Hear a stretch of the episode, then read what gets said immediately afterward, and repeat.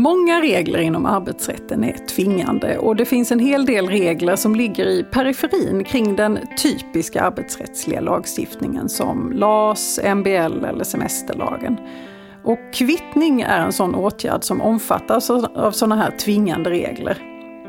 Idag ska vi prata om kvittningsreglerna mellan en arbetsgivare och en anställd och prata om ett rättsfall som belyser just den här problematiken.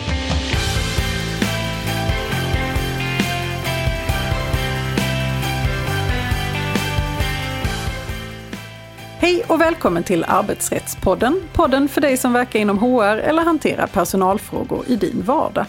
I den här podden vill vi bjuda på nya infallsvinklar och dela med oss av vår kunskap för dig som arbetar inom HR-området. Jag heter Emelie Svensäter Järntorp och arbetar som advokat inom arbetsrätt här på Vinge. Och med mig idag har jag min kollega Karin Gynnestedt som liksom jag arbetar med arbetsrätt på vårt Skånekontor. Hej Karin! Hej Emelie! Ja, när vi eh, funderar över vad vi ska prata om i den här podden så spanar vi gärna på lite olika nya rättsfall. Och den här gången så föll ljuset på ett rättsfall som heter AD 2021 nummer 40. Karin, varför blev det så? Jo, men ibland så uppstår situationer när en arbetsgivare har en fordran på en anställd och vill kvitta den fordran mot arbetstagarens lön.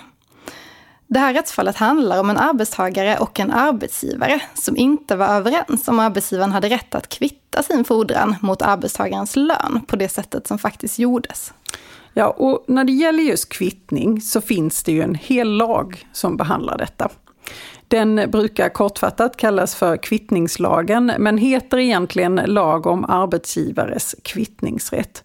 Och det är många som tycker detta är lite knepigt och eftersom lagen är tvingande så kan det faktiskt bli helt fel. Så därför så är det ju bra att veta vad som gäller. Så Karin, vad är det då som gäller? Jo, men den här lagen syftar till att ge en skydd för arbetstagarens lön, så det kan vara viktigt att ha med sig. Och som utgångspunkt så krävs medgivande för att kvittning ska få ske. Det vill säga att arbetstagaren måste faktiskt samtycka till att arbetsgivaren kvittar mot lönen. Okej, okay. och så det här samtycket eller det här medgivandet, finns det några regler kring hur det tas fram? Det finns liksom inga formkrav. Det här medgivandet kan, väl, kan vara både skriftligt och muntligt. Men det är alltid arbetsgivaren som har bevisbördan för att medgivande finns. Så därför är det ju naturligt att eh, skriftlighet kan vara bra. För då är det ju klart och tydligt vad som gäller.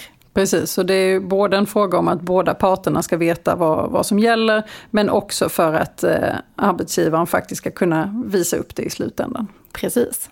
Och sen så ska man också ha med sig att ett medgivande till kvittning kan alltid återkallas av arbetstagaren. Hur gör man då? Då säger man helt enkelt att man inte eh, godkänner kvittning längre. Och vi säger ofta att ett medgivande, det är någonting som finns i eh, anställningsavtal. Det vill säga arbetsgivaren har en tendens att vilja baka in det här medgivandet på förhand redan i anställningsavtalet. Och det är ju inte säkert att det kommer hålla, just eftersom arbetstagaren har en rätt att återkalla medgivandet. Så det ska man ta med sig, att eh, har man den typen av skrivningar så är det faktiskt inte säkert att man ändå har rätt att kvitta i slutändan. Jo, men precis, så är det. Okej, okay, men det är ifall du har ett medgivande till, eh, från, från arbetstagaren. Eh, rent generellt kan man väl säga att de flesta arbetstagare vill väl kanske inte att man kvittar mot deras lön. Kan man göra det tvångsvis? Jo, men det kan man. I vissa specifika situationer eh, så går det att göra tvångsvis kvittning. Men det ska då finnas en klar och förfallen motfordran. Och vad betyder det? Det betyder att det inte får vara tvistigt att arbetsgivaren har ett anspråk på arbetstagaren.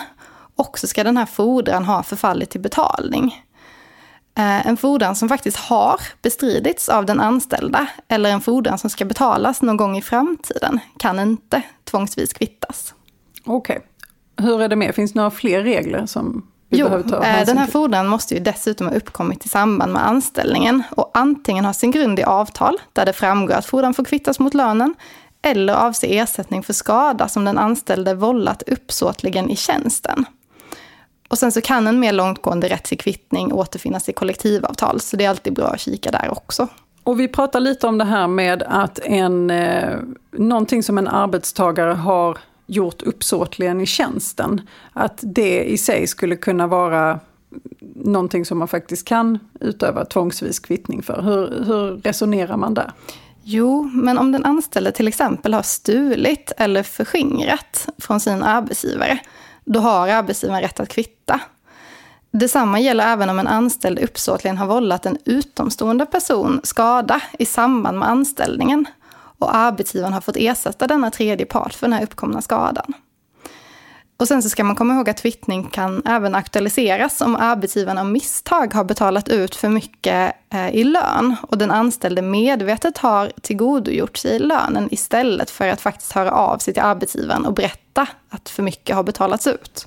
Så vid ond tro så kan man inte som anställd räkna med att, det inte går, eh, att arbetsgivaren inte får kvitta? Jo men precis, så kan man se det. Och sen så ska man också komma ihåg som arbetsgivare att det faktiskt finns regler om hur mycket man får lov att kvitta mot.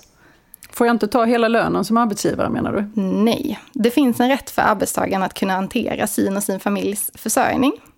Så det kan därför vara väldigt svårt att kvitta om en arbetstagare har låg lön. Men hur gör man då? Det kan ju vara väldigt svårt för en arbetsgivare att faktiskt veta vilka förutsättningar eh, arbetstagaren har. Ja, men här eh, kan man vända sig till Kronofogdemyndigheten eh, och så kan de fastställa vilket belopp som man kan dra ifrån lönen. Så den bedömningen får man hjälp med. Och om man då ändå tyvärr gör fel på något sätt som arbetsgivare, vad blir konsekvensen? Nej, men då är det skadestånd som kan eh, inträda och sen så kan arbetsgivaren även bli skyldig att återbetala den delen av lönen som man har kvittat mot. Okej, okay. Eh, och vi nämnde ju inledningsvis att anledningen till att vi kom in på det här ämnet var ju ett, ett rättsfall, AD 2021 nummer 40. Karin, kan du kort beskriva vad, vad hände egentligen i det här målet? Det här fallet berör först och främst flera frågor, men idag så är det ur ett kvittningsperspektiv som vi kommer betrakta det. Eh, I fallet så hade en biträdande jurist jobbat på en advokatbyrå i några år hon hade hela tiden haft en helt och hållet provisionsbaserad lön som gick ut på att hon varje månad lämnade in alla sina kostnadsräkningar i sina ärenden tillsammans med en uträkning av vad hennes lön den aktuella månaden skulle uppgå till. Och därefter så fick hon den här lönen utbetald. Men nu hade den biträdande juristen sagt upp sig och arbetsgivaren betalade då ut en väldigt liten slutlön och menade att de hade haft rätt att sänka lönen eftersom vissa prutningar hade gjorts på juristens kostnadsräkningar vid tidigare tillfällen under hennes fleråriga anställningstid. Och vi ska säga att det inte är helt ovanligt att domstolar inte godkänner hela det belopp en jurist eller advokat begär i ersättning för att ha varit ombud i en rättsprocess. Så det är ingenting konstigt. Juristen menade att den här lönesänkningen var en otillåten kvittning hon hade visserligen gått med på att löpande månadsvis eh, få avdrag på sin lön till följd av prutningar. Men hon hade inte accepterat någonting annat. Men arbetsgivaren menade däremot att det här avdraget utgör korrigering av preliminär lön, eller i vart fall en kvittning som det funnits medgivande till. Och hur resonerar man där? Ja, arbetsgivaren, eh, eller Arbetsdomstolen, eh, de konstaterade att man ska göra skillnad mellan kvittning och korrigering av preliminär löneutbetalning. Och den här åtskillnaden har sin bakgrund i att det på arbetsmarknaden är hyfsat vanligt att arbetstagare får en månadslön som är preliminär och att justeringar eh, för lönen görs vid betalning av eh, lönen för nästa månad. Och det kan till exempel vara så att man justerar lönen till följd av frånvaro eller av andra anledningar. Och den här typen av justering av preliminär lön är oftast tillåtet. Men Arbetsdomstolen behövde ju ta ställning till om det som skett i just det här fallet faktiskt var kvittning eller den här typen av tillåten korrigering av preliminärt utbetald lön. Och Arbetsdomstolen konstaterade att det rör sig om kvittning när en ganska lång tid förflutit mellan den preliminära löneutbetalningen och när löneavdraget genomförs. Det rör sig också om kvittning när arbetsgivaren inte gör en avstämning mot den korrekta slutliga lönen vid någorlunda regelbundna och förutsebara tidpunkter. Och i fallet så hade ju juristen som sagt gått med på att advokatbyrån fick göra avdrag för prutningar i nära anslutning till att prutningarna faktiskt gjordes. Eh, det vill säga hon hade gått med på det som kan beskrivas som sedvanlig lönekorrigering. Men kruxet är att någon justering av juristens lön hade aldrig gjorts tidigare under hennes ja, flera år långa anställningstid på byrån. Utan först nu i samband med hennes slutlön så valde man att korrigera. Och det ska tilläggas att advokatbyrån har ju fortlöpande haft tillgång till information om prutningarna, men de har ändå inte aktualiserat någon justering av juristens provision förrän efter att hon faktiskt sagt upp sig. Och därför konstaterar Arbetsdomstolen att advokatbyrån faktiskt har genomfört en kvittning och inte en korrigering av preliminärt utbetald lön. Och fick de då kvitta? Då återkommer vi till det här medgivandet som vi pratade om i början. Så AD var tvungen att titta på om juristen hade medgett att kvittning fick ske. Och som vi sa så är det arbetsgivaren som har bevisbördan och de kunde inte presentera tillräcklig bevisning som visade att medgivande fanns. Så det var alltså fråga om en otillåten kvittning. Och till följd av det här brottet mot kvittningslagen så fick advokatbyrån betala 10 000 kronor i skadestånd och dessutom betala tillbaka den delen av slutlönen som juristen aldrig fick. Så det var en ganska tydlig slutsats får man säga. Men eh, vad skulle du säga är det viktigaste att ta med sig från det här rättsfallet? Ja, men jag tycker att man kan ta med sig att det är okej att göra justeringar av preliminärt utbetald lön, men bara under vissa förutsättningar. Det får inte ha gått allt för lång tid mellan utbetalningen av den preliminära lönen och att avdrag och lönekorrigeringar sker. Eh, och dessutom så måste man göra den här typen av korrigeringar ganska regelbundet. Eh, annars är det fråga om kvittning och då behövs ett medgivande. Så det gäller att vara tydlig och konsekvent. Precis. Det var allt vad vi hann med idag. Tusen tack Karin. Tack så mycket. Dagens gädda.